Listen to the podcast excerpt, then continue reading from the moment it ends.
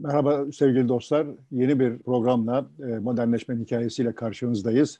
E, Cemalettin Taşçı ile birlikte. E, bugün modernleşmenin aydınlanma ve bilim yönüyle ele alacağız. Ne durumdaydı bilimsel gelişme ve aydınlanma o dönemde diye. Ekonomi mi daha öncelikli bir konuydu yoksa aydınlanma mı, bilimsel faaliyetler mi diye başlayalım derim ben. Ya şöyle başlayayım izin verirsen. Bu programı yapmaya karar verdiğimizde şöyle bir Google'layayım dedim aydınlanma diye ve işte rastgele sahiden emin ol ki rastgele bir metin seçtim. O da galiba bir tez gibi bir şeymiş. Bir yığın alıntıyla başlıyor. O alıntılardan da bir tanesini rastgele seçtim. Şimdi izin verirsen biraz uzunca bir şekilde onu okuyacağım yani. Şöyle bir metin. Batı uygarlığında 18. yüzyılda kendini gösteren aydınlanma dönemi esasen orta çağda gelişen düşünce ve inançlardan kopuşun yaşandığı, yani buradan ne anlıyoruz? Orta çağda bir şeyler varmış, bir kopuş olmuş. Yaşandığı Rönesans dönemindeki düşünsel ve toplumsal değişimlerin, yani Rönesans döneminde orta çağdan kopuş olmuş Rönesans'la ve işte o dönemde düşünsel ve toplumsal bir takım değişimler olmuş. O değişimlerin üzerinde yükselirken 15. ve 16. yüzyıllarda Avrupa insanının Orta Çağ'ın dinsel ve geleneksel değerlerinin kendini geliştirmek ve daha iyi yaşamak için yeterli olmadığını anlaması, yani Avrupa insanı böyle işte bir bütün halinde Orta Çağ'ın dinsel ve geleneksel değerlerinin yeterli olmadığını anlamış. Ne için yeterli olmadığını anlamış? Kendini geliştirmek ve daha iyi yaşamak için. Yani kendini geliştirmek ve daha iyi yaşamak istiyorlarmış. Bakmışlar ki bunlar bu eski şeyler yeterli değil. Yeni değerler oluşturma çabası içine girmesi neticesinde her şey insan için olmalıdır düşüncesiyle başlayan hümanizm anlayışının etkisiyle yani ararlarken her şey insan için olmalıdır rı bulmuşlar hümanizm anlayışıyla. Bu anlayışın etkisiyle Orta Çağ'ın Tanrı din merkezli evren, toplum ve insan açıklaması yerine insan merkezli bir evren, toplum ve birey açıklaması dile getirilmiş. Tanrı devleti yerine yeryüzü devleti yani ondan öncekiler Tanrı devletiymiş. Şimdi ama yeryüzü devletini kabul etmişler dinsel bir kozmoloji yerine fiziksel bir kozmoloji, insanın kul olarak görüldüğü bir toplum devlet düzeni yerine insanın birey kişi olarak kabul edildiği bir toplum devlet düzeni öne çıkarılmış. Yani bu aydınlanmanın akabinde 18. yüzyılın sonrasında demek ki işte insan birey kişi olarak kabul edilmiş artık devletler tarafından.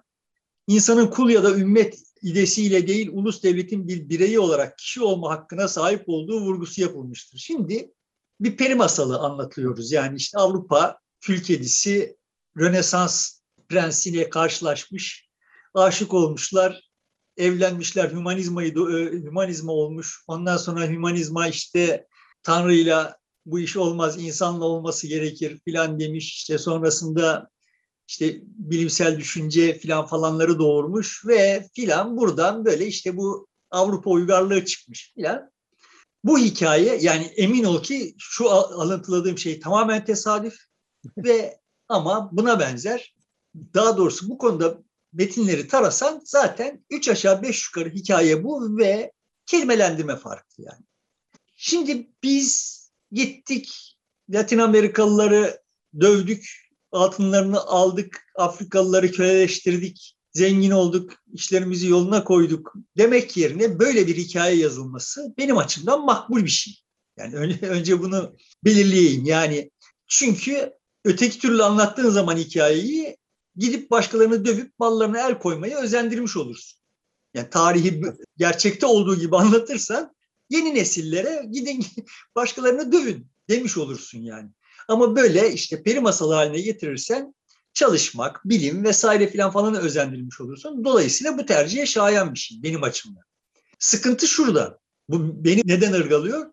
Şimdi bir kere anlattıkları hikayeye inandılar. İkincisi bizi inandırdılar. Yani bizi derken bizi, Japonları, Hintlileri, Afrikalıları vesaireyi falan falan inandırdılar ve bu inancın sonucu şöyle oldu. Avrupalılarda bir şey var, bizde yok yani. Ve buradan bir aşağılık kompleksi üretildi. Ve hala da bu aşağılık kompleksiyle baş edemiyoruz yani. Dolayısıyla hikayenin böyle anlatılmasına prensip olarak karşı olmasam da bizim başımıza getirdikleri nedeniyle bir itirazım oldu, ola geldi hep. Hikaye böyle olmadı. Bu hikayenin basit bir şeyi var, defosu var. Bu tamamen yalan yani. Başından sonuna yalan. Şimdi kabaca şöyle bir benzetme yapayım. Eskişehir'in nüfusu işte bir milyondan az. Diyelim ki Eskişehir'deki öğrenci nüfusun işte o da 30 bin civarında öğrenci nüfusu var öyle çok fazla e, değil yani. Zannedildiği kadar çok değil.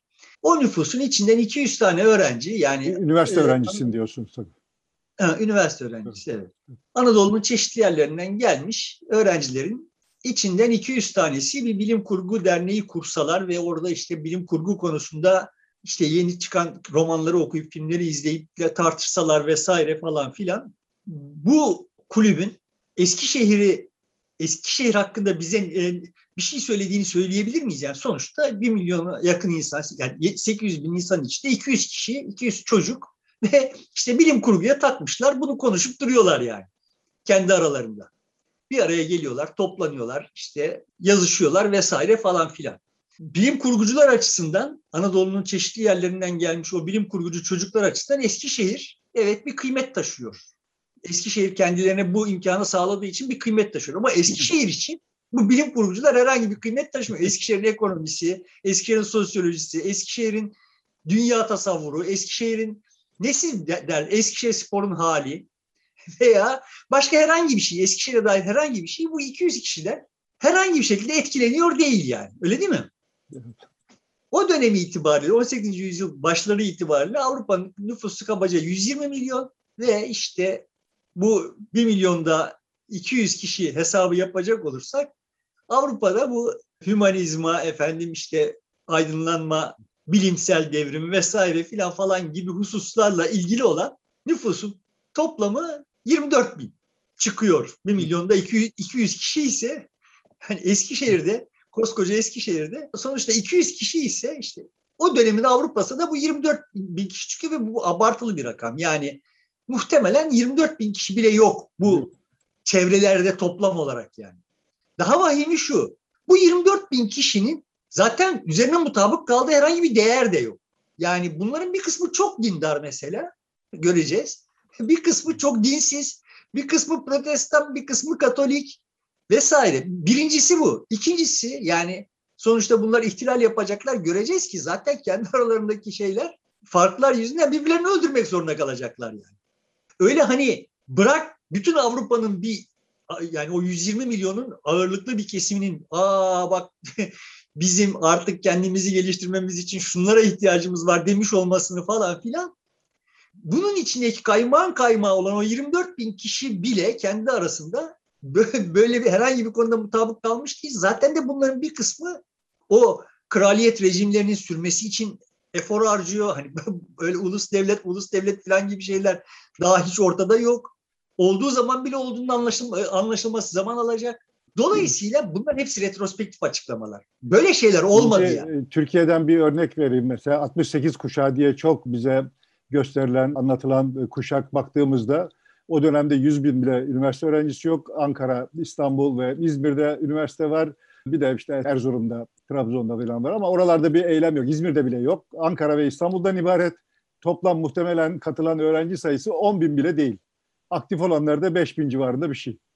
Tamam ama o 5 bin kişi sonuçta medya üzerinden vesaire üzerinden falan geniş kesimlerin bir, bir takım soruları sormasına vesile olabildiler. Burada öyle bir şey bile yok yani. Çünkü öyle bir medya yok. Şeyi yok bir kere hani insanların önemli bir bölümünün çok büyük bir bölümünün kendi hayatını sürdürmek için dem artık zamanı yok. Yani zamanının tamam ama şimdi 68'de iyi kötü işte o üniversite öğrencilerini Ankara'ya İstanbul'a yollamış aileler filan falan akşamları televizyonda bir şeyler seyretme. Radyodan daha çok. Radyodan bir şeyleri dinleme vesaire işte yani sinemaya gitme yani boş zamanları vardı yani. Dolayısıyla o benzetmeden, o dönemden bile daha vahim bir tablo bu sözün ettiğim. Sonuçta böyle işte kendi aralarında oturup toplaşıp sohbet eden bir takım insanlar var mı? Var. Bunlar işte bütün Avrupa'da toplasan dediğim gibi 20 bin kişi yoklar. Ama evet bir şeyler değişmeye başlamış eskisine kıyasla ve bu değişmeye başlayan şeyler de geçen hafta anlatmaya çalıştım. Toplumsal kesimlerin kendi içlerinde iktisadi bir takım motiflerle devinmeye başlamalarıyla mümkün olmuş. Orada kendi içine devinen, kendi aydınlarını aydınsa işte yani onları filan falan duymayan, işitmeyen yani mesela Bacon gitmiş bilimsel metot hakkında bir şeyler söylemiş. Adam Smith ekonomi hakkında bir şeyler yazmış, çizmiş filan falan da o ekonomiye katılıp ekonomiyi hareketlendirenlerin ne Adam Smith'ten haberi var, ne Bacon'dan haberi var. Onlar kendi gündelik hayatlarında kendi bildikleriyle bir şeyler yapıyorlar ve toplum değişmeye başlıyor yani. Şimdi bu Bacon demişken Bacon'a da gelelim. Yani işte bilimsel bütün bu aydınlanma hikayesini bilimsel devrimden bağımsız olarak okuyamayız. Ortada bir bilimsel devrim olduğu vaz ediliyor. Bilimsel devrim ne demek? Yani işte bir, bir kopuş vehmediliyor. Bu kopuş çok uzun süre yani ta 1970'lere kadar 80'lere kadar bu kopuş teorisi neredeyse hiç itirazla karşılaşmadan geldi. Böyle hani buna zarar verebilecek türden şeyleri 1960'larda işte Kuhn bilimsel devrimlerin yapısında söylemiş idi ama esasında ondan sonraki araştırmalar gösterdi ki öyle bir kopuş yok. Orta çağda pekala kademeli olarak işte bir şeyler bir yerlerde hem bilimsel hem teknolojik anlamda mayalanmayı sürdürmüş. Ama o orada bir kopuş, bir devrim vehmetmezsek eğer hikaye bütünlüğünü kaybediyor diye işte böyle böyle bir şey uydurulmuş yani. Bunların hepsi 19. yüzyılda uydurulmuş hikayeler. Hani nasıl Osmanlı'nın doğuşuna dair efendim böyle Osman'ın göğsünden bir nar çıkmış falan falan hikayeleri yüzlerce yıl sonra uydurulmuş. Osmanlı'nın aslında kayıp oyundan olduğu yüzlerce yıl sonra uydurulmuş. Bu da öyle bir şey yani olmuş bir şey. Ondan sonra şimdi bunu nasıl anlatacağız diye ciddi mesai harcanmış ve öyle uydurulmuş yani bunlar. Şimdi kopuş olmadığını iddia edenlerin iki tane temel dayanağı var. Bunların birisi şu diyor ki yani e, kademeli olarak zaten Ortaçağ Avrupa'sında da bir şeyler mayalanmıştı. İkinci olarak da diyor ki yani Avrupa'da bu bilimsel devrim dediğimiz tantananın tetiklendiği şeylerin çoğu Orta Asya kaynaklıdır ve o Orta Asya'da bunlar o bizim Orta Çağ dediğimiz dönemde orada bir aydınlanma yaşanmıştı diyorlar yani. Hep aydınlanma diye yeni kitap çıkmıştı. Ondan e, onun bahsettiği konulardan söz ediyorlar ya. Evet. Şimdi kabaca bilimin kronolojisini yani Avrupa biliminin kronolojisine bakacak olursak şimdi Kopernikus 1543'te yani bizim sözünü ettiğimiz tarihlerden çok önce ölüyor. Galile 1642'de ve Kepler 1630'da ölüyor. Şimdi bunlar böyle bu bilimsel devrimin ön adımları olarak hep zikredilir de o yüzden bunları sayıyorum. Ve işte bizim bu sözünü ettiğimiz dönemlerde yaşayıp bilimsel devrime büyük katkıyı yapmış olan filan falan Newton da 1727'de ölüyor yani. Bunun öncesi var. İşte Bacon bilimsel metodu tarif ediyor. 1626'da ölüyor.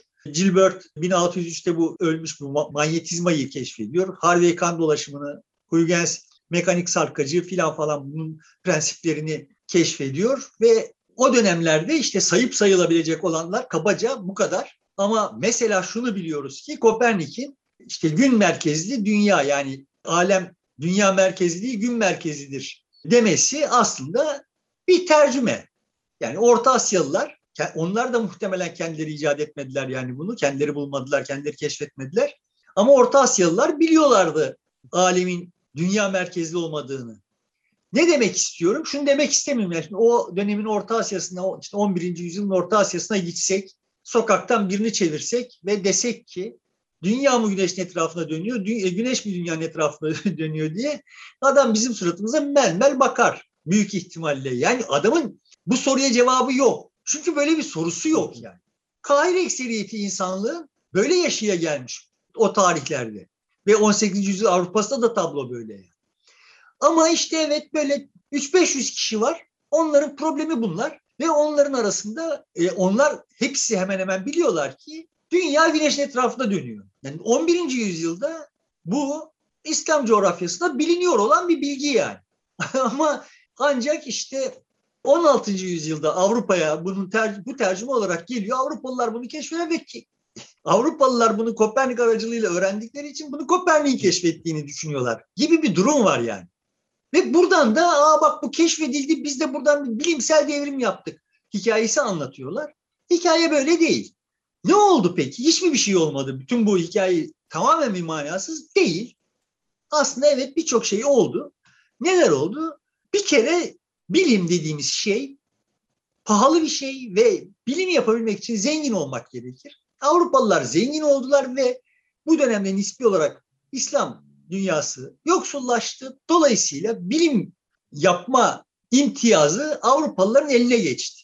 Birinci husus bu yani. Avrupa'da daha önce yapılamıyordu olan, yapılamaması da son derece anlaşılıyor. Çünkü çok yoksul bir yer. Yapılamıyordu olan bir şeyler yapılıyor, e, yapılır hale geldi. Avrupalılar zannettiler ki ya da anlattılar ki bize ilk defa yapılıyor bunlar. Halbuki bu hep yani Cengiz Han'ın yanında bile sayısız bilim insanı var. E ama Avrupalıların yaptıklarında bir farklılık yok mu? Var. E onun da çok anlaşılır bir şey var. Çünkü dünya küreselleşti. Yani Cengiz Han'ın yanında ya da Orta Asyalılar bu işi yapıyor iken Orta Asyalıların Azteklere teması yoktu. Avrupalılara da teması yoktu yani. Yani işte o Çin'e ve Hind'e temasları vardı. O ölçekte bir küreselleşme vardı ve zaten de o sayede bir şey, bir hikaye çıkmıştı ortaya. Şimdi Avrupalılar her yere temas ettiler. Sözünü etmiştik yani bu modernleşme hikayesinin başlarında. Dolayısıyla küreselleşme dünyanın dört bir yanında birikmiş olanın birbirine temasını sağladı. Yani şunu söyleyeyim yani bu bilimsel devrim filan falan hikayeleri bittikten sonra bile Avrupalılar mesela Azteklerin, Mayaların yılın uzunluğu konusundaki e, ölçümlerinin hassaslığına ulaşamamışlardı yani. Yani dünyadan o kadar kopuk olan Aztekler, Mayalar yılın uzunluğunu Avrupalılardan daha hassas biliyorlardı. Dolayısıyla evet bu temaslar, bu küreselleşme artı nüfus arttığı için etkileşim arttı. Yani bunu Aztekler ya da Asyalılar ya da işte Hintliler yaparlarken dünya nüfusu küçük ve işte o nüfusun içinde eğer yüzde bir bunlarla ilgileniyor ise onların birbirine teması daha zor. Halbuki bu tür şeyler atın, temas atın ulaşabildiği yere kadar gidiyorlardı o zaman muhtemelen insanlar. Daha sonra da gemilerin ulaşabildiği yere gitmeye başladılar. Evet ama aynı zamanda mesela Londra'nın nüfusu artınca Londra'nın içinde bu tür insan sayısı artınca bunlar birbirleriyle temas edebilir olmaya başladılar. Aynı mekanın içinde ve bu tür e, olaylar temaslar sayesinde zenginleşir yani.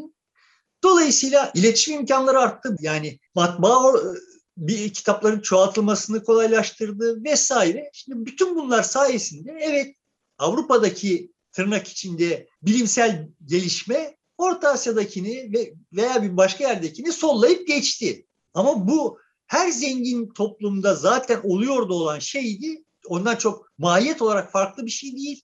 Nicelik olarak daha bir parlak bir duruma ulaşması da dönemin şartlarının yarattığı imkanlardan kaynaklandı.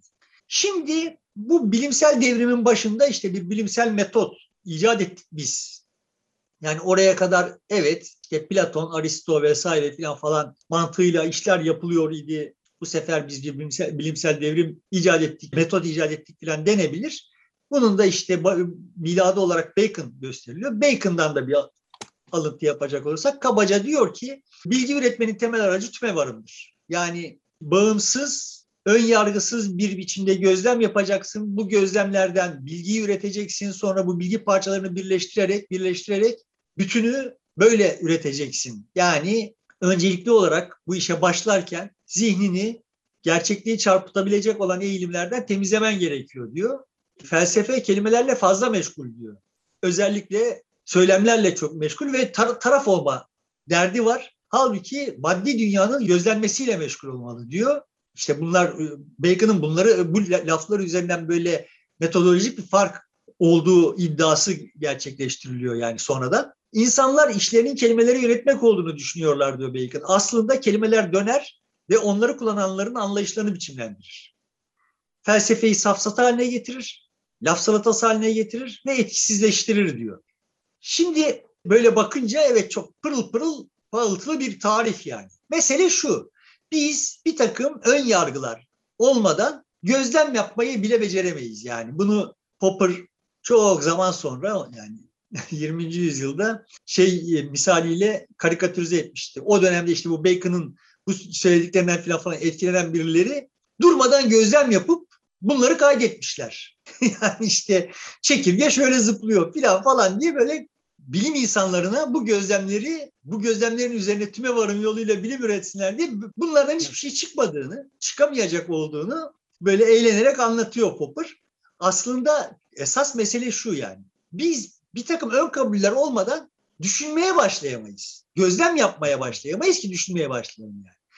Dolayısıyla bu böyle git gelli bir süreç. Bir takım varsayımlarımız olacak.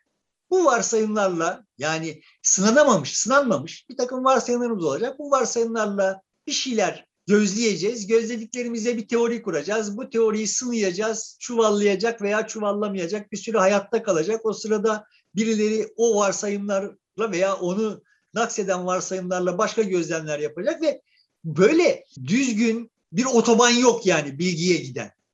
Çetrefil bir ormanın içinde rastgele gezerek ormanı keşfediyoruz yani. Dolayısıyla işte Bacon'ın bu çok şık hikayesine zaten bilim insanları da sonrasından gelenler de çok da itibar edebilmiş değiller yani. Bu bilimsel devrimi kapatacak olursak eğer hikaye, bilimsel devrim hikayesini kapatacak olursak ka- kapatmadan önce şeylere gelelim. Yani bilgi bir de sonuçta geometrik olarak artan bir şeydir. Yani bizim Avrupalıların kendi, o çok övündükleri dönemdeki bilgi birikimi, yani bütün bir 18. yüzyıl boyuncaki bilgi birikimi bugün bir günde gerçekleşiyor neredeyse yani. Çünkü yani evet her gün daha çok geçmişte birikmiş bilgi üzerinde bir takım işler yapılıyor. O dönemde yani bu işi Araplar, Hintliler yapıyor iken ellerindeki malzeme, işlenebilir malzeme son derece azdı. Avrupalılarınki nispi olarak 18. yüzyıl nispi olarak çoktu. Şimdi her geçen gün büyük bir hızla artıyor olduğu için çok daha fazla bilgi üretebiliyoruz. Ama biraz o dönemde, galiba demokratikleşti. Daha yaygın. Herkes katılır oldu bilgi üretimine. Eskiden daha dar bir kesim yapıyordu. İşte o zenginlikle alakalı. Yani biz şimdi zenginleştik. Dolayısıyla daha çok insanı gidin bunlarla uğraşın diye görevlendirme lüksüne sahibiz yani. O dönemde ama işte şunlar oldu. Yani bu da işte bu zenginleşmenin etkisi olarak işaretlenebilir şeyler. Yani bizim bu sözünü ettiğimiz 18. E, yüzyıldan hemen önce yani 1700'lerden hemen önce Boyle Royal Society'yi kurdu. İşte Royal Society e, Londra'da işte bilimin o zaman bilim denmiyor da işte doğal felsefenin gelişimine adanmış bir kuruluş. Özel yani meraklı insanların işte bu bilim kurgu kulübü gibi meraklı insanlar toplandığı bir kulüp yani. Bunun sponsoru zamanın prensi. Sonra zaten de sonra Royal Society yani kraliyet cemiyeti ve e, Fransa'da da benzer bir şey kuruluyor. Ve şimdi bakalım bunlar ne kadar hani bu aydınlanmacıların bu işte bilimsel devrimcilerin bu işte güzel hikayelerine uyuyor. Şimdi Newton geliyor 1703'te bu Royal Society'nin başına geçiyor. Nasıl bir adam Newton? Dibine kadar dindar. Dibine kadar yani. Tamam öyle hani desen ki bak bu yaptığın faaliyet din dışı adam bütün yaptıklarından vazgeçecek kadar dindar bir adam yani. Şeriatçı yani şu anki adı. yani. Şimdi bu adam ne kadar böyle pozitif, ne kadar olgun bir bilim adamı mesela. Şimdi Newton'un bize hediye ettiği en temel şeylerden bir tanesi yani bir, bir takım kavramlaştırmaları geçe, geçecek olursak teknik olarak diferansiyel hesap. Diferansiyel hesabı Newton'dan bağımsız olarak Avrupa'da, kıta Avrupa'sında Leibniz'te buluyor. Bana sorsan aslında Newton Leibniz'ten çalıyor yani bu iş. Neyse hani öyle anlatılmıyor hikaye. Newton Principa'nın ilk cildinde Leibniz'e dipnot veriyor belli konularda. Ama sonra Leibniz'le arası açılıyor ve sonraki baskılarında bu dipnotlar çıkarıyor. Royal Society'nin de Leibniz hakkında olumlu bir şeyler yapmasına falan da mani oluyor. Yani böyle geçimsiz, huysuz, biçimsiz, hani öyle bilimsellik vesaire falan falan gibi kaygıları olmayan, kişisel ihtiraslarını, öfkelerini vesaire falan falan işin içine karıştırmaktan imtina edememiş bir adam yani. Öteki tarafına gelelim. Şimdi bu Royal Society, Fransa'nın Royal Society'si mesela 1798'de Napolyon'u üye olarak kabul ediyor işte ve filan böyle hani bilim adamına sayıyor. Bilim insanına sayıyor. Yani şimdi siyasetin bilimin göbeğine girdiğini görüyoruz yani buralarda. Böyle hani Şimdi hikayeyi anlatmak güzel. Orada böyle dini taassuptan kurtulmuş, efendime söyleyeyim işte siyasetin baskısından kurtulmuş, bilimsel düşünce falan, falan hikayeler anlatmak güzel. Pratikte olay öyle olmuyor yani.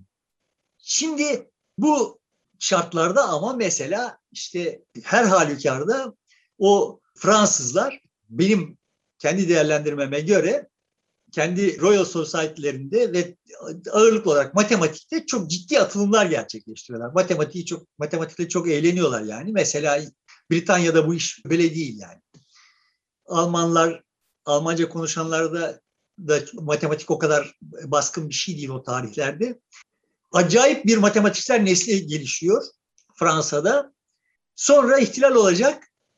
Bu matematikçilerini başka bilim insanlarıyla beraber kesecekler. Hani şimdi bu ihtilal de hani o bilimsel devrimin ve aydınlanmanın çocuklarının toplumsal düzeni biçimlendirmek için yaptıkları bir şey olarak sunuluyor filan. Sonuçta birçok matematikçi, birçok bilim insanını kesecekler. Aralarında Lavoisier'de olan. Bu 1789 devriminden söz ediyorsun. Evet. İşte 18. yüzyılın içinde sonunda yani. Evet. Sonrasında bir e, Rus matematikçi, bu matematikçiler genel olarak matematiği 40 yaşına kadar yapabilirler. Yani matematiğin öyle bir vasfı var. Neden öyle olduğunu bilmiyorum ama pratikte olay öyle gerçekleşiyor. 40 yaşından sonra büyük buluşlara, matematiksel buluşlara imza atmış çok az matematikçi var. Ne yapılmış? Yani gençlik sporu yani matematik. Dolayısıyla şimdi yaşlanmış matematikçilerin genel olarak yaptıkları iş matematik tarihi gibi işlere girmek oluyor. Ya artık matematik yapamadıkları için matematik tarihi falan gibi işlerle uğraşmaya başlıyorlar. Ünlü bir Rus matematikçi de şimdi adını hatırlayamadım. Yaşlanınca işte matematik tarihine sarıyor ve kendince şöyle bir soru soruyor. Yani ya bu 18. yüzyıl boyunca böyle deve dişi gibi bir yığın Fransız matematikçi çıktı. Yani Fransa'dan olağanüstü bir matematikçi nesli çıkmıştı. 19. yüzyılda birlikte bunlar bıçak gibi kesildi. Ne oldu da oldu bu diye adam buna takıyor. Neyse hocası da bu konularda çok kafa yormuş ama bu, bu konuda bir çalışma yapıyorlar. İddiaları şu yani bu Fransız devrimiyle birlikte bu işler siyasallaştı ve çeteleştiler. Yani o bilim akademisindekiler artık birbirlerini kayırmaya başladılar. Rekabet ortadan kalktı ve kendi hoşlarına gitmeyenleri de içlerine almadılar. Dolayısıyla Fransa'da matematik çöktü. Gerçekten de sonrasında çok uzun süre Fransa'dan dişe dokunur. Bir bilim insanı da çıkmıyor, matematikçi çıkmıyor yani. Dolayısıyla hani böyle bu bilim insanlarına böyle aman ne kadar bilimsel dürüstlük vesaireler falan falan yakıştırmanın da çok alemi yok. Pratikte olay öyle de olmuyor yani. Gelelim şeye, bu aydınlanma hikayesine. Bu bilimsel devrimin üzerine bir işte yani bilimle birlikte Aa, evet ne kadar güzel bak dünyayı akıl yoluyla anlıyoruz. Dolayısıyla artık kutsal kitaplara ihtiyacımız yok, Allah'a da ihtiyacımız yok falan falan demişiz diye varsayılıyor ya yani. Şimdi buradan artık toplumu da dünyayı yeniden biçimlendireceğiz. İşte buna da aydınlanma diyoruz gibi bir şey, bir hikaye anlatıyoruz. Şimdi bu aydınlanmada ağırlıklı olarak bizim anlattıklarımızın çoğu Fransızlar. Bu anlamda bakayım bir tarayayım bakalım dedim. Wikipedia'da özel olarak aydınlanmanın düşünürleri diye bir liste, bir sayfa var. 116 kişi var yani. Bu 100 küsür yıllık periyot içinde 116 kişi var. Yani başlangıçta bir 24 bin kişi dedim ya. Bu 24 bin herhangi bir andaki an kesitindeki kişi, kişi sayısıydı. Bu 100 küsür yılda dişe dokunur. Paraguaylı bilmem ne valisini de bu listeye eklemek kaydıyla yani 116 kişi çıkartmış Wikipedia. Neyse tabii bu kadar da dar değil. Şey de biraz tuhaf bir kıstasla yapılmış. Her halükarda şimdi orada tarih sırasına dizdiğin zaman şunu görüyorsun. Öncelikli tarih olarak öncelikli gelenler Britanyalılar. Yani İngilizler, İskoçlar, Galler. Sonra Fransızlar ağırlıklı olarak gündeme geliyor. Sonra Almanlar ağırlıklı olarak gündeme geliyor. Ama aydınlanma denince genel olarak hikaye şöyle anlatılır. Yani Fransız, Alman ortak yapımıdır. Fransız patentli, Fransız Alman ortak yapımıdır. Britanyalılar pek hesaba katılmaz ve işte Britanya'nın aydınlanması için de genel olarak unutulmuş aydınlanma vesaire filan falan gibi sıfatlar kullanılır yani. Aslında böyle bir ayrıma ihtiyaç olduğu da görülüyor. Çünkü evet yani üç ülkenin aydınlarının, aydınlanmacılarının dünya ile ilişkileri birbirine çok farklı. Yani Britanya'da temel soru şu, nasıl mutlu olabiliriz, nasıl gelişebiliriz? Tamam mı? Şimdi David Hume'undan efendim işte şeyine kadar, Adam Smith'ine kadar ana problem bu ve bu insanların neredeyse tamamı çok dindarlar. Buna karşılık Fransız aydınlanmacıları doğru bir toplum nasıl olur? Nasıl bir to- doğru toplum kurulur? Gibi bir problematikleri var genel olarak. Ve bunların neredeyse tamamı dinsiz yani. Yani sadece dinsiz değiller, din düşmanılar. Dini tasfiye etmek gibi böyle kutsal bir misyonları var yani. Buna karşılık Almanların dinle ilişkisi şey daha mutedil. Hani dinle dövüş, dövüşmüyorlar ama böyle hani çok İngilizler gibi çok dindar falan filan da değiller. Zaten çoğu protestan. Gerçi İngilizler de çoğu Anglikan da. Ama Almanlarla Fransızlar arasında bir de şöyle bir fark var. Farkı şöyle iki isim üzerinden tarif etmeye çalışayım. Şimdi Fransa'da aydınlanmanın sembolü Voltaire. Voltaire Fransa'da filozof yani the filozof. hani filozof sıfatının adamın sıfatı filozof değil yani. Kendi filozofluk adam zaten. Ondan başka filozof yok yani. filozof deyince Voltaire akla gelir. İşte böyle bir adam ama bu adam nasıl bir adam? Her konuda yazmış, her konuda çizmiş, şiirde yazmış, mektupta yazmış, tiyatro oyunu da yazmış. Ne aklına geliyorsa ve her konuya bulaşmış. Böyle çok nasıl diyeyim pırıltılı yaşamı çok seven birisi vesaire falan falan. Bir de gösterişçi birisi. Disiplinsiz, dağınık ama çok etkileyici bir adam. E şimdi buna karşılık mesela Almanların aydınlanmaya en büyük katkıları diyebileceğimiz Kant nasıl birisi? Kant sabah, sabah çıkıyor evinden. Belli saat bir yürüyüşü var yani. O yani bu o kadar dakik bir adam ki esnaf saatini Kant'ın dükkanın önünden geçiş, geçişine göre ayarlıyor yani. ha, buradan saat onu altı geçe geçiyor. Her sabah onu altı geçe geçiyor yani oradan filan. O kadar dakik bir adam ve adamın eseri şöyle bir şey kabaca hani uzaktan bakınca insanda şu kanaati oluşturuyor yani. Bu adam bütün bir ömrü boyunca ne demek isteyecekse, ne demek istemişse en başta planını yapmış. Yani düşüncesini bir bina olarak, mimari bir eser olarak telakki edebiliriz. Bu mimari eserin projesini öncelikle oturmuş, yapmış. Sonra onlarca yıl boyunca kademe kademe bu kolonları teker teker inşa etmiş ve işte çatıyı bunun üzerine kurmuş yani.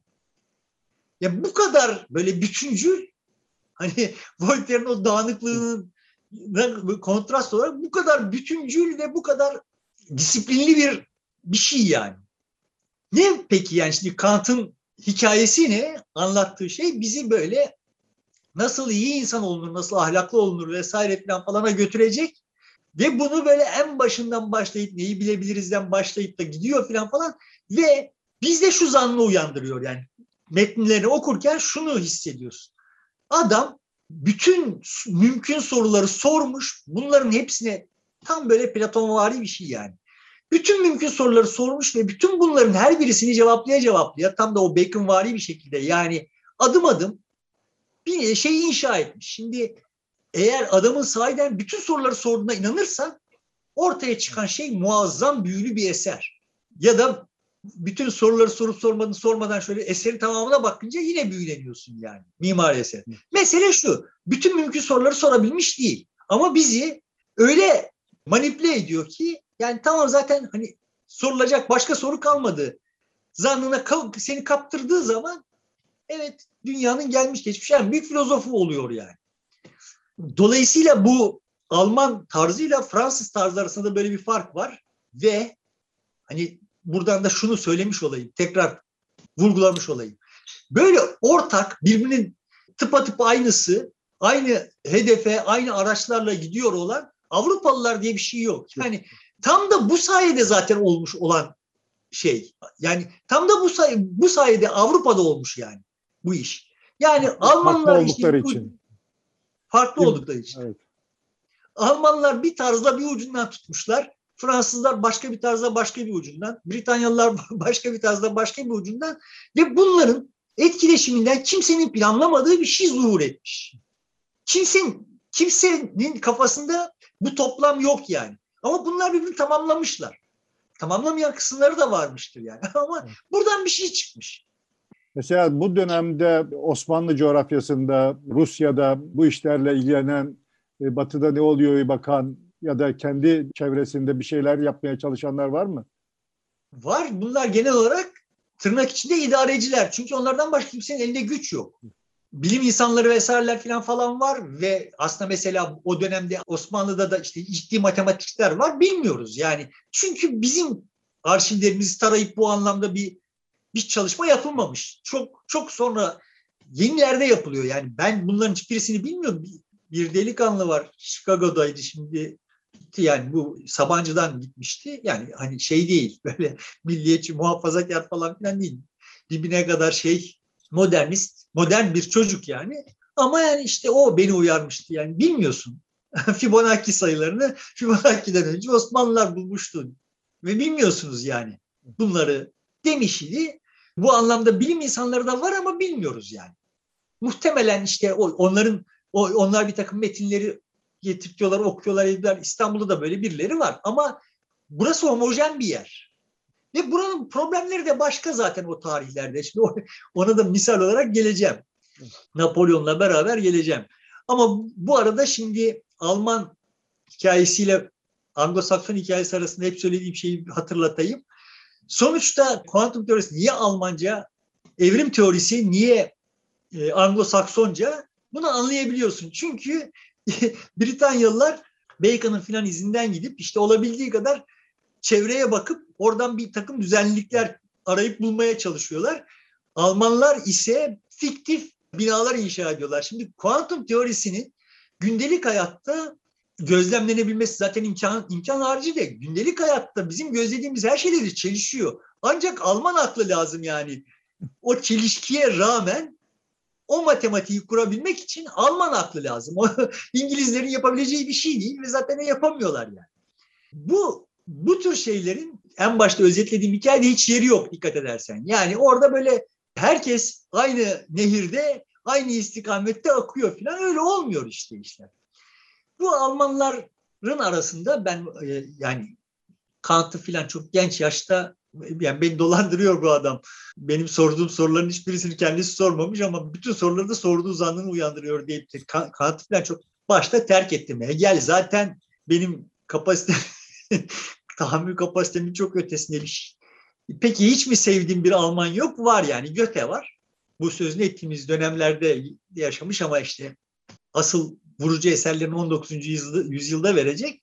Şimdi o dönemde Göte genç Werder'in acılarını yazıyor. Nedir yazdığı şey? İşte mektup tarzda bir roman. Romanın konusu ne? Bir umutsuz, aşka kapılmış bir delikanlının çektiği acılar. Sonrasında yaklaşık işte 10 yıl, 20 yıl sonra Wilhelm Meister'in çıraklık yıllarını yazacak. İlk romanı işte böyle genç Werder'in intiharıyla falan sonuçlanıyor. Çok karamsar bir hikaye. İkincisinde işte bir burjuva çocuğu, burjuva hayatının ne kadar manasız olduğunu keşfedip işte kendisini tiyatroya, Hamlet'e falan falan verecek ve oradan kendisini gerçekleştirecek yani. 20 yıl içinde Göte'nin değişimi bu. Şimdi beni neden ilgilendiriyor? Buradan aslında sadece Göte'nin nasıl değiştiğini değil, o dönem Avrupa'sının neler çekiyor olduğunu falan göreceğiz. Görüyoruz yani. Şimdi genç Werder'in acılarından şunu görüyoruz. Aşk icat edilmiş, erkekler kadınları keşfetmiş. Yani kadınlar henüz anlıyoruz ki kadınlar henüz kadınlıklarını keşfedememişler. Kadınların kadınlıklarını keşfetmeleri için daha zamana ihtiyacımız olacak. Çok nadir, çok az sayıda kadın. O da eğer yeterince zenginse, dulsa ve cüretkarsa kendi kadınlığını keşfetmiş o dönem itibariyle. Bu anlamda bir görünürlük kazanmış. Bunların da çoğu Paris'te zaten. o yüzden de Paris işte Voltaire'in Paris'i filan şey Avrupa'nın da nasıl diyeyim muhafazakar Avrupa'nın da gözünü kapattığı bir yer olmaya başlamış. Ahlak bozan yani, bir yer. Ahlaksız yer yani. Ama yani şunu görüyoruz ki kadınlar henüz kadınlıklarını keşfetmemişler. Ama erkekler kadınlarda kadınlığı keşfetmeye başlamışlar. Fakat son derece muhafazakar bir sosyal düzen var. Yani kadının görünürlüğü imkan haricine görünür olmuş fakat dokunulur olmamış. Henüz. Şimdi böyle arada kalın, kalınmış bir dönem ve o dönem boyunca böyle işte bir yığın sıkıntı çekmiş o insanlar. yani çektikleri sıkıntının ya bak biz şöyle bir geçiş döneminde yaşıyoruz. bu geçiş dönemi nedeniyle işte şu konudaki fren patlarken bu konudaki daha patlamamış olduğu için bu uyumsuzluk yüzünden ben bu sıkıntıyı çekiyorum dedi. Kimse adını koyamıyor yani. Biz sonradan koyabiliyoruz bunların adını. Ama işte hani e, Göte'nin yazdıklarından anladığımız o ki yani işte aşık olabiliyorsun ama dokunamıyorsun filan. Çünkü kadınlar henüz o yani bir de asıl, asıl muhafazakar olan henüz o sırada kadınlar tekrar aynı şeyi söyleyeyim yani. Aşk icat edilmiş ama aşk nasıl bir şey? Yani yani şu sonuçta Kerem ya aslında da bir aşk hikayesi yani. Değil mi? Çok eskiden beri var aşk falan. Hani Yaşar Kemal'in tabiriyle seversen alamazsın aşk olur hikayesi zaten çok eskiden beri var yani. Ama bunun böyle nasıl diyeyim epik bir hikaye olmaktan çıkıp gündelik hayata hayatın bir parçası olması 18. yüzyılın eseri. Aşk dolayısıyla sevip alamamak gibi bir hikayeler hızlı bir şey yaygınlaşıyor. Dönemin sosyolojisi hakkında bize çok ciddi bir ipucu veriyor.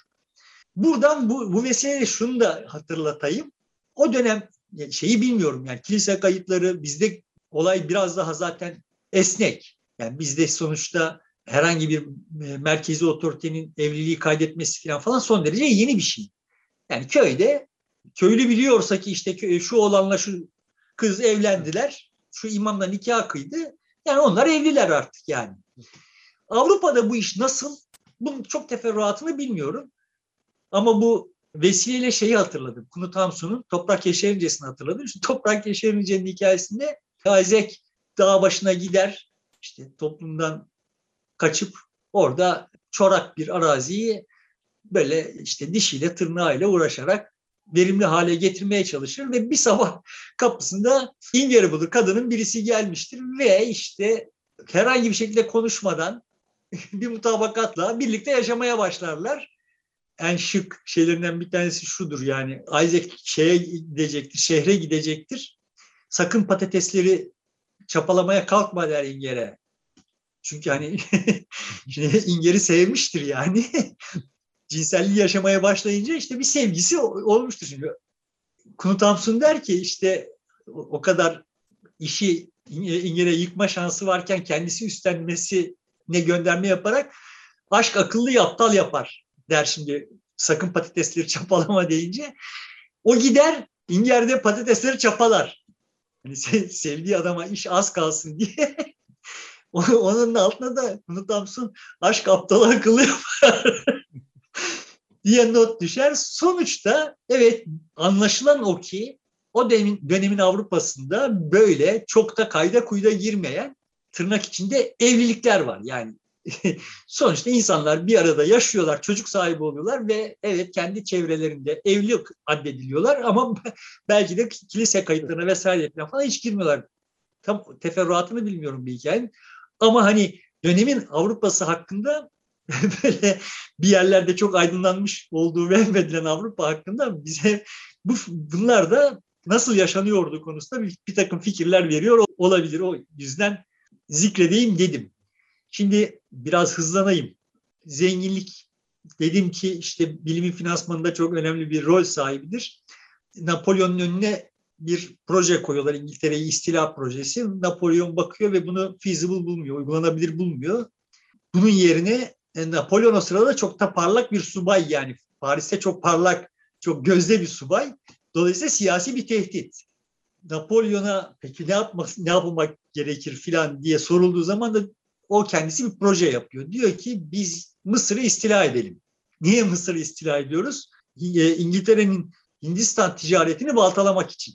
Yani İngiltere anlaşılan o ki Hindistan ticaretini Mısır, Süveyş kısta üzerinden yapıyor. Bir kısmını en azından. Dolayısıyla biz orayı istila edersek, İngiltere'nin ticaretine balta, baltalarsak İngiltere'yi zayıflatırız. Sonrasında da işte İngiltere istediğimizi yaptırırız, yaparız vesaire filan falan gibi bir proje sunuyor. Buna atlıyorlar Paris'tekiler. Tamam hemen bunu yapalım deyip e, işte 15 bin kişilik galiba bir 12 bin kişilik bir ordu veriyorlar Napolyon'a ve Napolyon Mısır'ı istila ediyor. Şimdi bütün bu hikayede Mısır kimin? İstila edilen Mısır kimin? Osmanlı. Kağıt üstünde. Osmanlı'nın. Yani şimdi Fransızla İngiliz itişiyorlar. Osmanlı'nın Mısır'ı arada piyon bile değil. Osmanlı bu kadar kale alıyorlar yani. Geliyor Napolyon 12 bin kişiyle ve işte bir piramitler savaşı yapılıyor. 30 bin kişilik Osmanlı ordusu çıkıyor Napolyon'un karşısına. Bir saatte dağılıyor. Bir saatte yani. Aradaki fark hani o dönemin Avrupa'sıyla Fransa'sıyla Osmanlı'nın arasındaki fark bu kadar büyük yani. Hani şimdi böyle geldiler bizi bize şunu yaptılar bunu yaptılar filan falan diyor. Adamlar seni böyle un ufak edebilecekler etmemişler. Yani İngilizle dövüşmekten sana dönüp bakmamış. Sadece İngilizce dövüşürken bir mana taşısana gelip toprağına sana selam sabah vermeden geliyor yani. Şimdi o seferin bir başka manası var. Önce seferin hikayesini tamamlayayım. Sonra İngilizler gelip de Napolyon'un donanmasını batırıyorlar. Şimdi Napolyon Fransa'ya dönemiyor. Çünkü hani donanma yok. İngilizler de kendi şeylerini, ticaretlerini sürdüremiyorlar. Çünkü Napolyon'un donanma gelmesin diye orada nöbet bekliyorlar. İkisi de kilitleniyor. Napolyon bunun üzerine e, Suriye'ye doğru sefer yapıyor. Ve işte orada da birkaç Osmanlı ordusunu böyle perişan ediyor. Sonra Nizam-ı Cedid ordusu geliyor. Yeni düzen ordusu. Onlar bayağı bir direniyorlar Hakka'da. Yani buradan şunları çıkarabiliriz. Yani Osmanlı kendi halinin farkında şimdi Napolyon şeye çıkartma yapıyor. Mısır'a Osmanlı ordusunu e, e, bir saatte yok ediyor.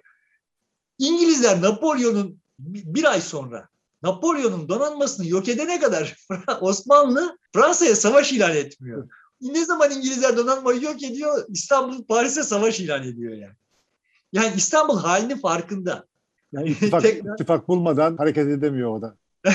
Kolu kanadı kırılmadan da bir şey yapamıyor yani. Evet.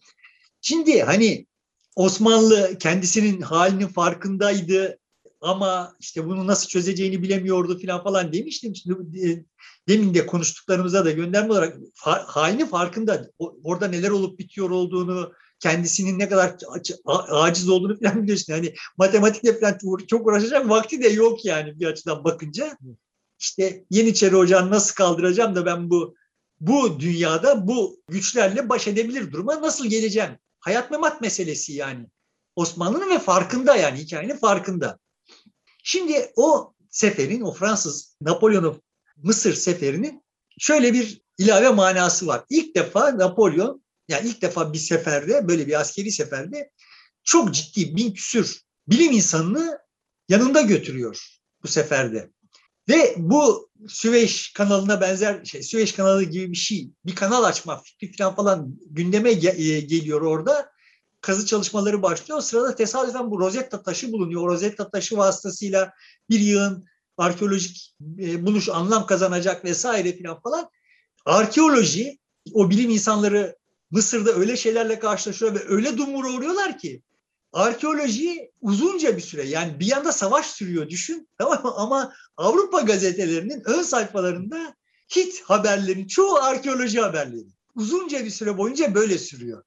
Ve Avrupalılar Mısır'ın ne kadar eski olduğunu keşfettikçe akılları çıkıyor yani. Bu hikayeyi çok çok güzel anlatan Marek'in şeyi vardır. Tanrılar, Mezarlar, Bilginler diye bir kitabı vardır benim açımdan.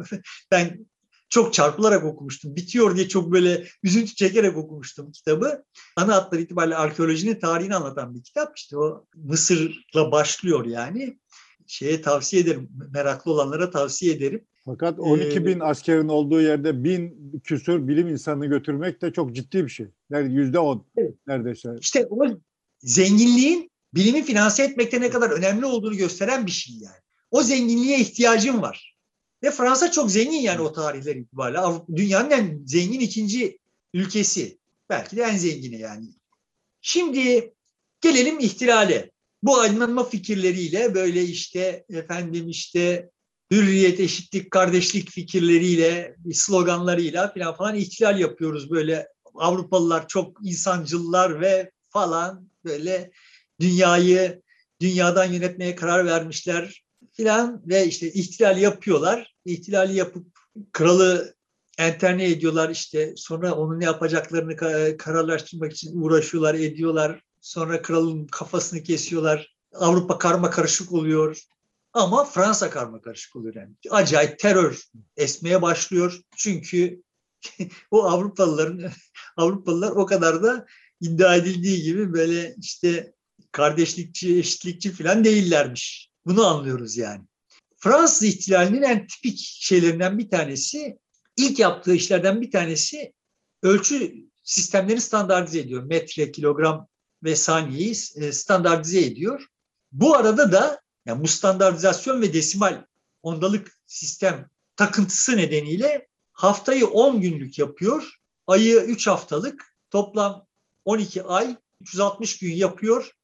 Artık şeyleri de özel bir şekilde işliyor ve ihtilal yılını da bir olarak başlıyor. Yani takvimi İhtilal duruyor yani. Ya bu kadar standart bir e, standartizasyon konusunda bu kadar takıntılı ve işte bu kadar cüretkar işler yapıyor.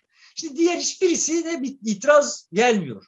Ama takvim konusu bir şeyleri deforme ediyor. Neyi deforme ediyor? Pazar ayinleri var. Yani kilise haftanın 10 gün olmasına itiraz ediyor yani.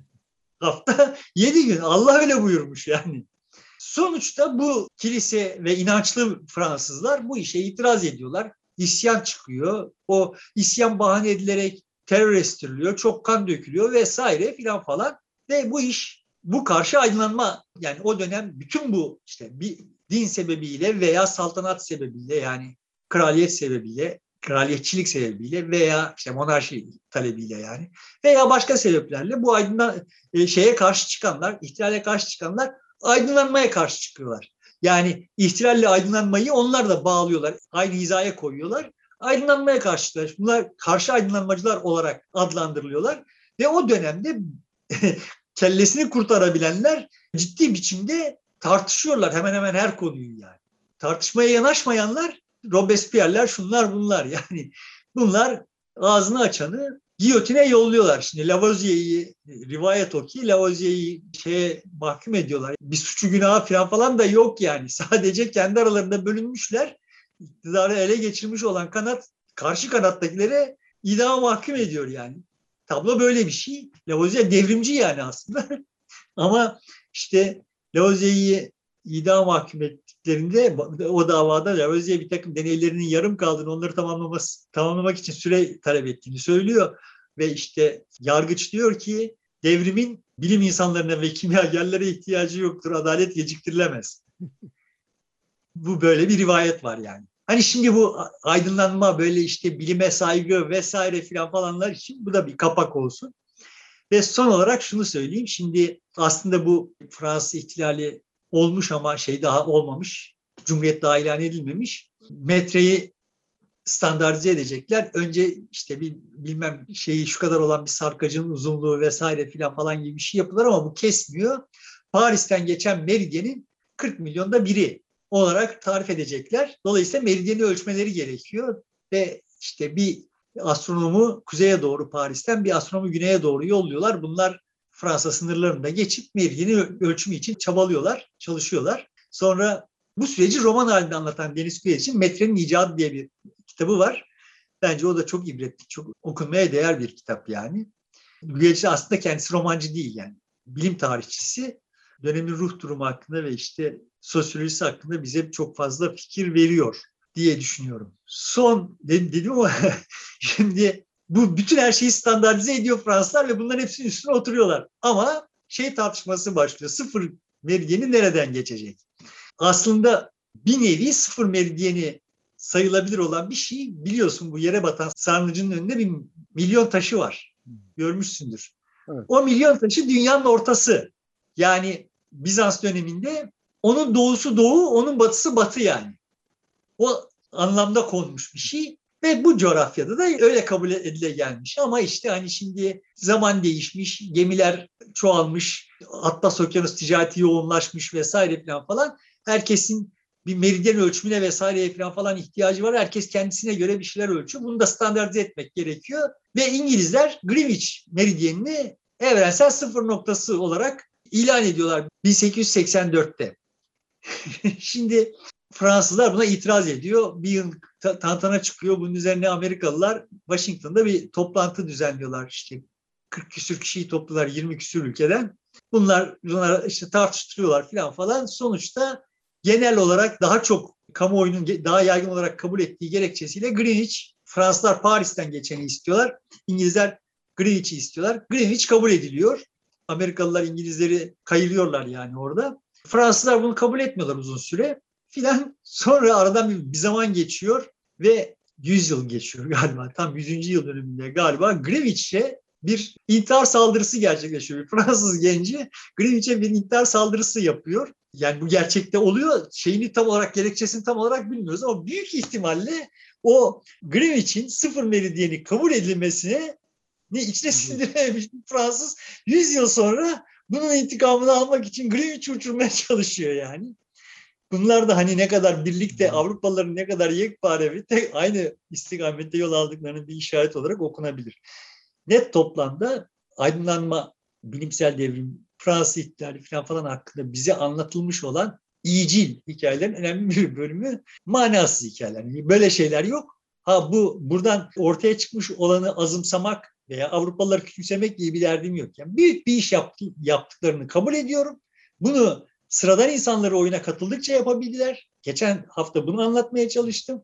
Ve bu sıradan insanların oyuna katılması süreci de bütün geleneklerin kademe kademe erozyona uğramasına yol açtığı için de insanların nirengilerini kaybetmelerine yol açtı. İşte o genç verdiğim acıları falan, falan da söz etmemin sebebi o. Yani orada bir şey var, antika bir şey ama burada onun payandası olan şey kopmuş. Yani buna baktığın zaman başka bir dünya bak görüyorsun. Buna baktığın zaman başka bir dünya görüyorsun. Bizim şimdiki halimiz gibi yani. Hiçbir şey yerinde değil. Hiçbir şey ölmüş değil. Yeni bir şey doğmuş değil. Ve o kapsamda insanlar çok acı çekmişler. Bu acıların buradan bakınca büyük bir başarı hikayesi de içine yaşarken çok acıklı bir hikaye yani o hikaye. Ama evet sonunda o acıların sonunda bir hepimiz adına hepimizin faydasına bir şeyleri yapmışlar. Kendilerine müteşekkirim ama bunu böyle hani çok iyicil, çok barışçıl falan falan anlatmalarına itirazım var. Bilmiyorum. Evet. Yani ifade edebildiğimi zannediyorum. E, doğru ama günümüzle de çok paralel gittiğini ifade ettin. Bu doğru. Galiba biz de bir devrim şartlarında yaşıyoruz. Dolayısıyla onun sancıları çok fazla olacak. Muhakkak bu devrim sonrasında bir şey çıkacak ama bunu da herhalde birileri başarı diye e, anlatacaktır bizim yaşadığımız acıları. Hepimiz başaracağız. Biz birlikte başaracağız. Peki e, sevgili dostlar burada bitiriyoruz. Modernleşme hikayesinin aydınlanma ve bilim devrimi noktasından değerlendirmesini Cemalettin Taşçı yaptı. Biraz bugüne kadar alıştığımızın dışında farklı bir yaklaşım idi, değerlendirmeydi. Yeniden görüşmek üzere, hoşçakalın.